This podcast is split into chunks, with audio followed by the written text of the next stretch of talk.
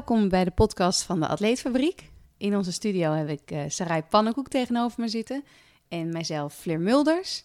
En dit eerste onderwerp is de bewustere keuze, oftewel de gezondere keuze. wat is dat nou precies? Hoort er een glas wijn bij of juist niet? Uh, daarover veel meer in de komende 20, 25 minuten met Sarai. Welkom. Hallo, hallo. Superleuk om hier te zijn. Ja, heel erg leuk dat je in onze studio bent. Um, wil jij allereerst iets meer toelichten over dit ongelooflijk brede en populaire onderwerp? Wat is nou de bewustere keuze?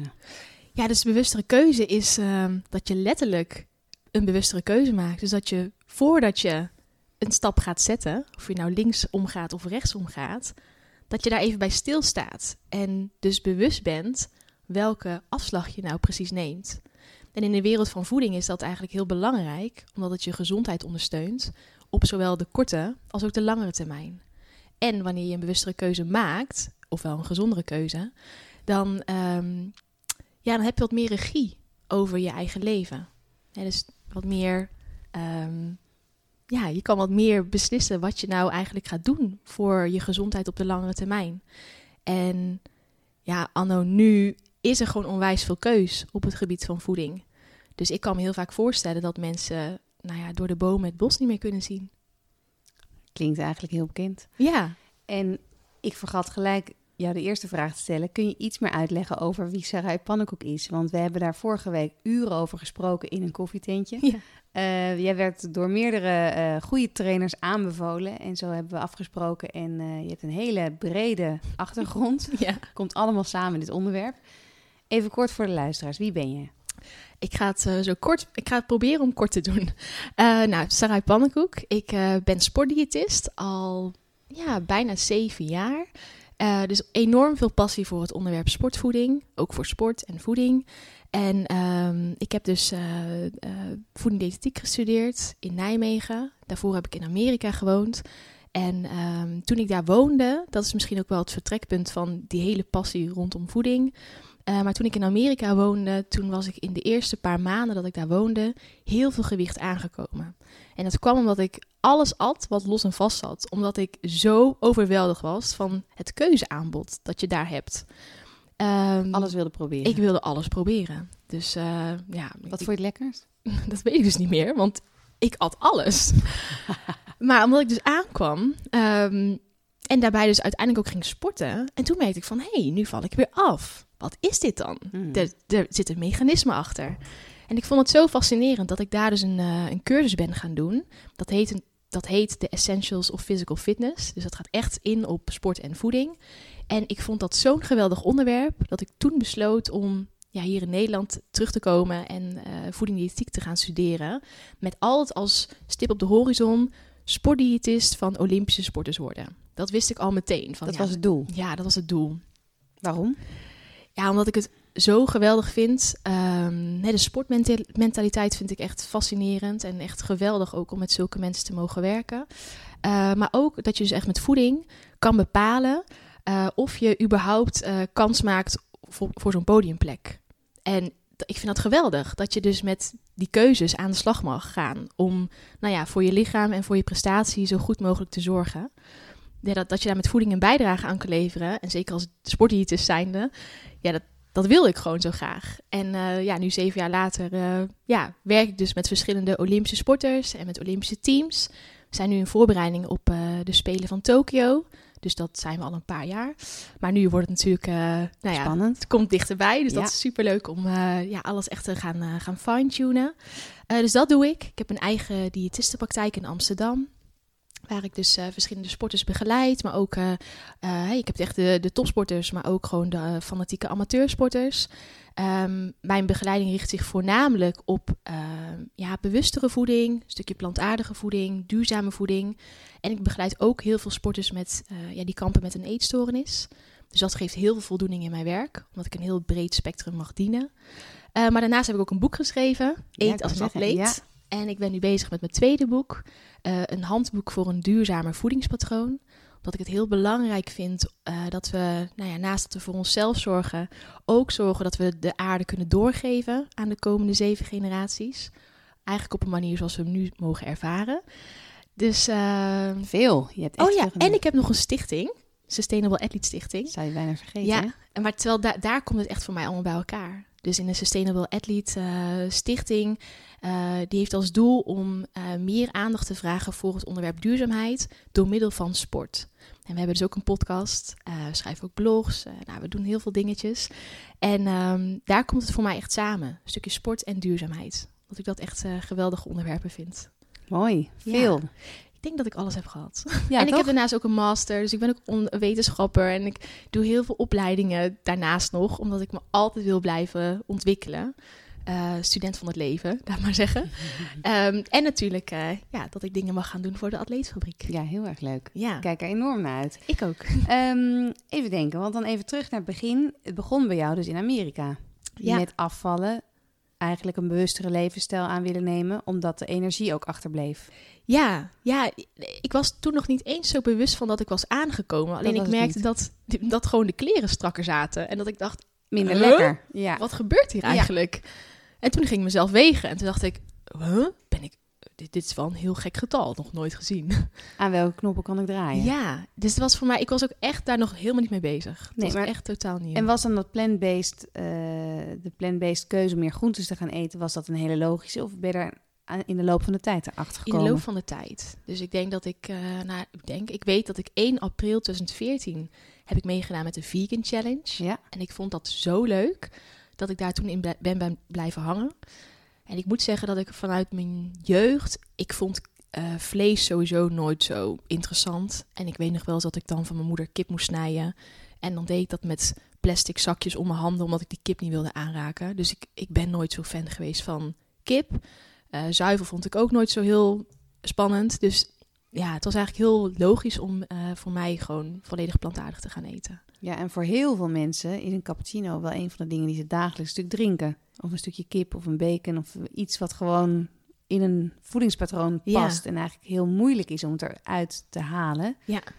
Want er zijn natuurlijk heel veel voorbeelden van hoe je dat zou kunnen doen. Maar ik kan me ook voorstellen dat je daar gewoon stress van krijgt om dat allemaal toe te passen. Want eh, laten we wel wezen, ik eet ehm, wel eh, vlees, maar veel minder dan vroeger. Ik eet nog kip, ik eet vis. En ik probeer het andere stuk zo, eh, ja, zo veel mogelijk te beperken als het lukt. Want ik heb natuurlijk ook een aantal allergieën. Ja. Nootbinnen, sesam, soja. En dat zijn allemaal groepen die hè, het, eh, het vleescompensatie eigenlijk opvangen. Precies, ja. Dus voor mij is het weer een ander verhaal. Maar ik begrijp heel goed, want ik eet dus meer plantaardig ook, dat het wel heel veel voordelen heeft. Ja, ja, dus en ik kan me ook wel voorstellen dat het dus wel veel stress kan geven. Als je het in één keer, als je een standaard Nederlands voedingspatroon hebt met eh, melk en, zu- en andere zuivelproducten zoals kaas en dat je eieren eet en vlees, hè, aardappelen, vlees. Er zijn nog best wel veel huishoudens die dat natuurlijk gewoon eten. Dan kan het ook heel veel stress opleveren als je in één keer volledig plantaardig gaat eten. Want dan moet je in één keer etiketten gaan lezen. Je moet in één keer nadenken van wat ga ik, waar, wat ga ik dan eten? En heel veel beperkingen. Ja. En nee, nee, nee. In plaats van Ja, upside. Ja, dus ik zou altijd adviseren als je dat zou willen doen, om het in stapjes te doen. Zodat het ook rustig kan integreren in je dagelijkse bezigheden. Dat, dat je ook er de ruimte voor kan vrijmaken om je daarin te verdiepen. Maar gewoon met stapjes. Dus ja, eerst- wacht even. Ja. Want ik hou van stappen. En Ja. ik hou ook van gewoon een plan van aanpak. ja. Want kijk, en ik hoop de mensen thuis ook. of mensen op de fiets waar je dit ook luistert. Want ik snap het, hè. In stappen afbouwen. En uiteindelijk is er een verschil tussen vegetarisch of overwegend plantaardig Ja. eten en vegan. Ja. En vegan klinkt al helemaal eh, wat allemaal niet mag. Terwijl het levert ook heel veel op. Maar stap 1 is dus afbouwen.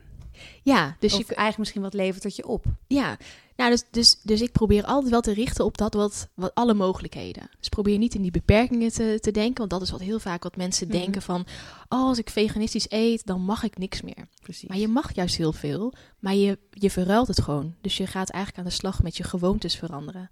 Dus in plaats van, ehm, nou ja, die cappuccino met normale melk, kan je ook beslissen dat je dat wil doen met havermelk. Nu weet ik dat we in Amsterdam in een redelijke bubbel leven. Dat is dat heel normaal dat het gewoon kan. In heel veel gebieden kan het nog niet helemaal. Eh, maar je zou bijvoorbeeld kunnen kijken om, ehm, eh, als je 's ochtends eh, een schaaltje yoghurt eet, om dat eens te vervangen voor soja yoghurt. Hè, of je kan eens kijken, als je elke dag nu vlees eet, eh, bijvoorbeeld vlees waarop je brood doet, probeer eens eh, dat te minderen en te vervangen voor bijvoorbeeld eh hummus of een andere groentespread of eh, nou ja, eh, genoeg andere dingen. je kan ook kijken, eh, als je nu elke avond vlees eet bij het avondeten, dat je gewoon standaard zegt op maandag doe ik een Meatless Monday. Dat is vaak Eén avond in de week. één avond in de week. En de Meatless Monday is een movement uit Amerika. Die is daar opgericht om te zorgen dat mensen nou, die, die, movement, Mhm. die in die movement zitten, op maandag geen vlees eten. Nou, Meatless Monday, super simpel. Gewoon op maandag geen vlees. Nou, je kan kiezen dan voor eh, andere producten, want je kan nog wel eieren eten. Je kan ook eh, vegetarische Burgers. burgertje of je kan tofu, tempeh, net wat je zelf wilt. En de tip daarachter schuilt wel, bereid het wel voor. Want als je om zeven uur s'avons thuis bent en je denkt, oh, het is Meatless Monday, wat ga ik eten? Ik mag geen vlees. Ik Dat mag geen vlees. Ja, denkt. dan Ja. gaan alle alarmbellen af. En dan heb je stress omdat het eh, in één keer zoveel is wat je moet maken. Dus neem dat wel mee in de voorbereiding. Zorg dat je gewoon gedurende de week misschien even wat blogs bezoekt of wat eh, nou, websites waar recepten op staan. Om wat inspiratie op te doen voor die Meatless Monday. Dus klein beginnen. Klein Eén van de, beginnen, ja, dat zeggen ja. wij bij de ook vaak. Ja. Als je een, Stapjes. precies, als je een Ja. aanpassing wil maken, maak er dan één. Ja, En als je er één binnen de, eh, binnen de week doet, heb je al één van de 21 heb je dan aangepast. En zo langzaam ga je dan waarschijnlijk precies. al die momenten aanpassen. Ja. En wordt het duurzamer. En ik denk ook wel dat je het thuis moet overleggen. Zeker. Dat het niet een soort van strijd wordt. Nee, precies. Dus, dus ook daarin begin juist met die kleine stapjes. Voel en, en observeer of dit goed voelt. Hè, want dat is het belangrijkste, dat je je wel comfortabel bij voelt. En als die Meatless Monday heel goed werkt, misschien ga je ook een keer op woensdag eh, een vleesvrije dag tegemoet. Eh, en op vrijdag. Nou, en als je die drie dagen hebt, dan heb je al superveel winst geboekt. Eh, zowel ten aanzien van je gezondheid, als ook ten aanzien van nou ja, een stukje duurzaamheid. eh, een stukje bewustere keuzes maken. En dan ben je eigenlijk al een heel eind. Ja. Hè, dus, Ja. Dus, dus het zit hem vaak veel meer in die kleine stapjes om dingen te vervangen. Maar het kost natuurlijk wel tijd om je daarop voor te bereiden. Precies. Want als je besluit, oké, vanaf morgen eh, doe ik geen vleeswaren meer op mijn brood. Dan moet wel hummus in de koelkast aanwezig zijn, zodat je dat op je brood kan doen. Ja, je moet iets anders kunnen Ja. pakken. Het moet makkelijk Ja, zijn. Het moet wel al in huis zijn. Dus je moet toch echt een eerste stap maken, of een eerste eh, investering doen, in tijd investeren. ja, Om te kijken wat vind ik dan wel lekker. Dat kopen en ook dat makkelijk kunnen pakken. precies. Het moet wel in je omgeving aanwezig zijn. Anders kan het stukje veranderen niet plaatsvinden. Nee. En dan kan je daar weer stress van krijgen. En dat is natuurlijk niet de bedoeling. Dit herken ik overigens zelf mijn allergieën. Toen ik het allemaal iets serieuzer begon te nemen, dacht ik, ik hou het pas vol. En toen noemde ik het nog volhouden, nu niet meer. Ja, Als ik alternatieven voor het grijpen kan pakken. Want anders pak ik ook een boterham en bijvoorbeeld tarwe lukt voor mij niet. Ja. Dus ik ben best wel vaak ook bezig. En nu vind ik het een heel mindful iets om lekker in de keuken te staan en dingen voor te bereiden. Ja. En vind ik het ook lekker om dat soort dingen lekkerder dan die ene boterham die ik anders had gepakt. En, en ik denk dat het, maar dat, misschien kan je dat beamen, dat het dan ook meer voldoening geeft. Ja. Omdat je dus weet van, ik heb het voorbereid. Ik zorg goed voor mezelf. Ja, hè, dat, dat je die investering, die je dus eigenlijk aan de voorkant hebt gedaan, dat dat ook weer zich uitbetaalt. Ja, en je bent in de lead. Dus het, Ja. je, wordt, je wordt niet geleefd, je maakt bewust een keuze. En ik weet nog best wel goed toen ik zelf in een vast eh, dienstverband zat... en dus ook een bepaalde tijd op werk moest zijn... en ook een bepaalde tijd weer naar huis ging... En, of vaak weer iets voornam, ik ga zo laat naar huis en werd het weer iets later... dat je het gevoel hebt dat je geleefd wordt. Ja. En ook een kantine die niet helemaal aansluit eh, bij wat je wil eten... en dat je daar dus een voorsprong op neemt. Ja. En dat kost even tijd en moeite. Ja. En soms teleurstelling. Ik heb ook wel eens hele smerige dingen gemaakt. Ik echt dacht, laatst ook dacht ik dat ik havermout kon invriezen. Nou, dat is mij niet gelukt. Nee, het is echt een soort van karton. Maar goed, ik weet nu wel, dat hoef ik niet meer te proberen. Ja, precies. Uiteindelijk, daar leer je het beste van. Zo hè? moet je er ook echt naar kijken. Ja, het waren best wel porties hoor, stuk of zes. Maar goed, aan de andere kant, de eerste was zo duidelijk. De rest is echt meteen de prullenbak ingegaan. Maar hoe leuk als je daar wel een verandering in kan maken. En, ik- maar ik denk ook dat dat ook de momenten zijn. Kijk, ik denk dat we heel vaak de, eh, het, het idee hebben dat als we bijvoorbeeld een avondmaaltijd willen koken, dat we het moet allemaal perfect. Eh, het moet zoveel gram groente en dan moet dit en het moet zo smaken en het moet echt eh, als in een vijf sterren restaurant. Maar dat hoeft niet. Goed genoeg is goed genoeg. Ja. En van alle keren dat het dus niet smaakte, omdat er te veel eh, saus in zat of te smaakloos was omdat er geen nou ja, andere smaakmakers in zaten. Dat is oké, want daar leer je van. En daarmee laat je ook, eh, daarmee reflecteer je ook weer van, hey, wat zou ik dan doen om er meer smaak aan te geven? Of wat, hè, in plaats van eh, saus X, ehm, nou ja, weet ik hoeveel milliliter erover, dat is wel heel, heel veel. Ik moet minder doen. En dat is de feedback die je krijgt. Dus kan je weer dat recept voor jezelf weer optimaliseren.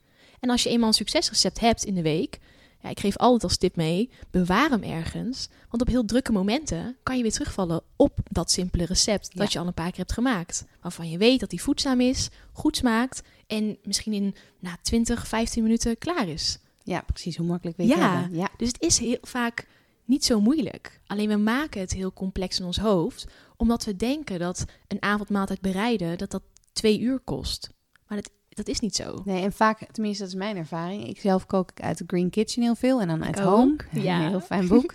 Ehm, toen ik eenmaal begon, want mijn partner, eh, zakelijke partner Marloes, ehm, daar gaan we overigens ook nog een keer een interview mee doen, maar die is helemaal pro plant-based vegan Ja. stijl. En ik door mijn allergie ook wat minder omdat ik er op zoveel dingen moet letten. Dus uiteindelijk eh, ben ik door haar geenthousiasmeerd om dat boek te gaan kopen en daaruit te gaan koken. Ik heb werkelijk alles gekookt en het is mijn favoriete cadeau Ja. om het weg te geven.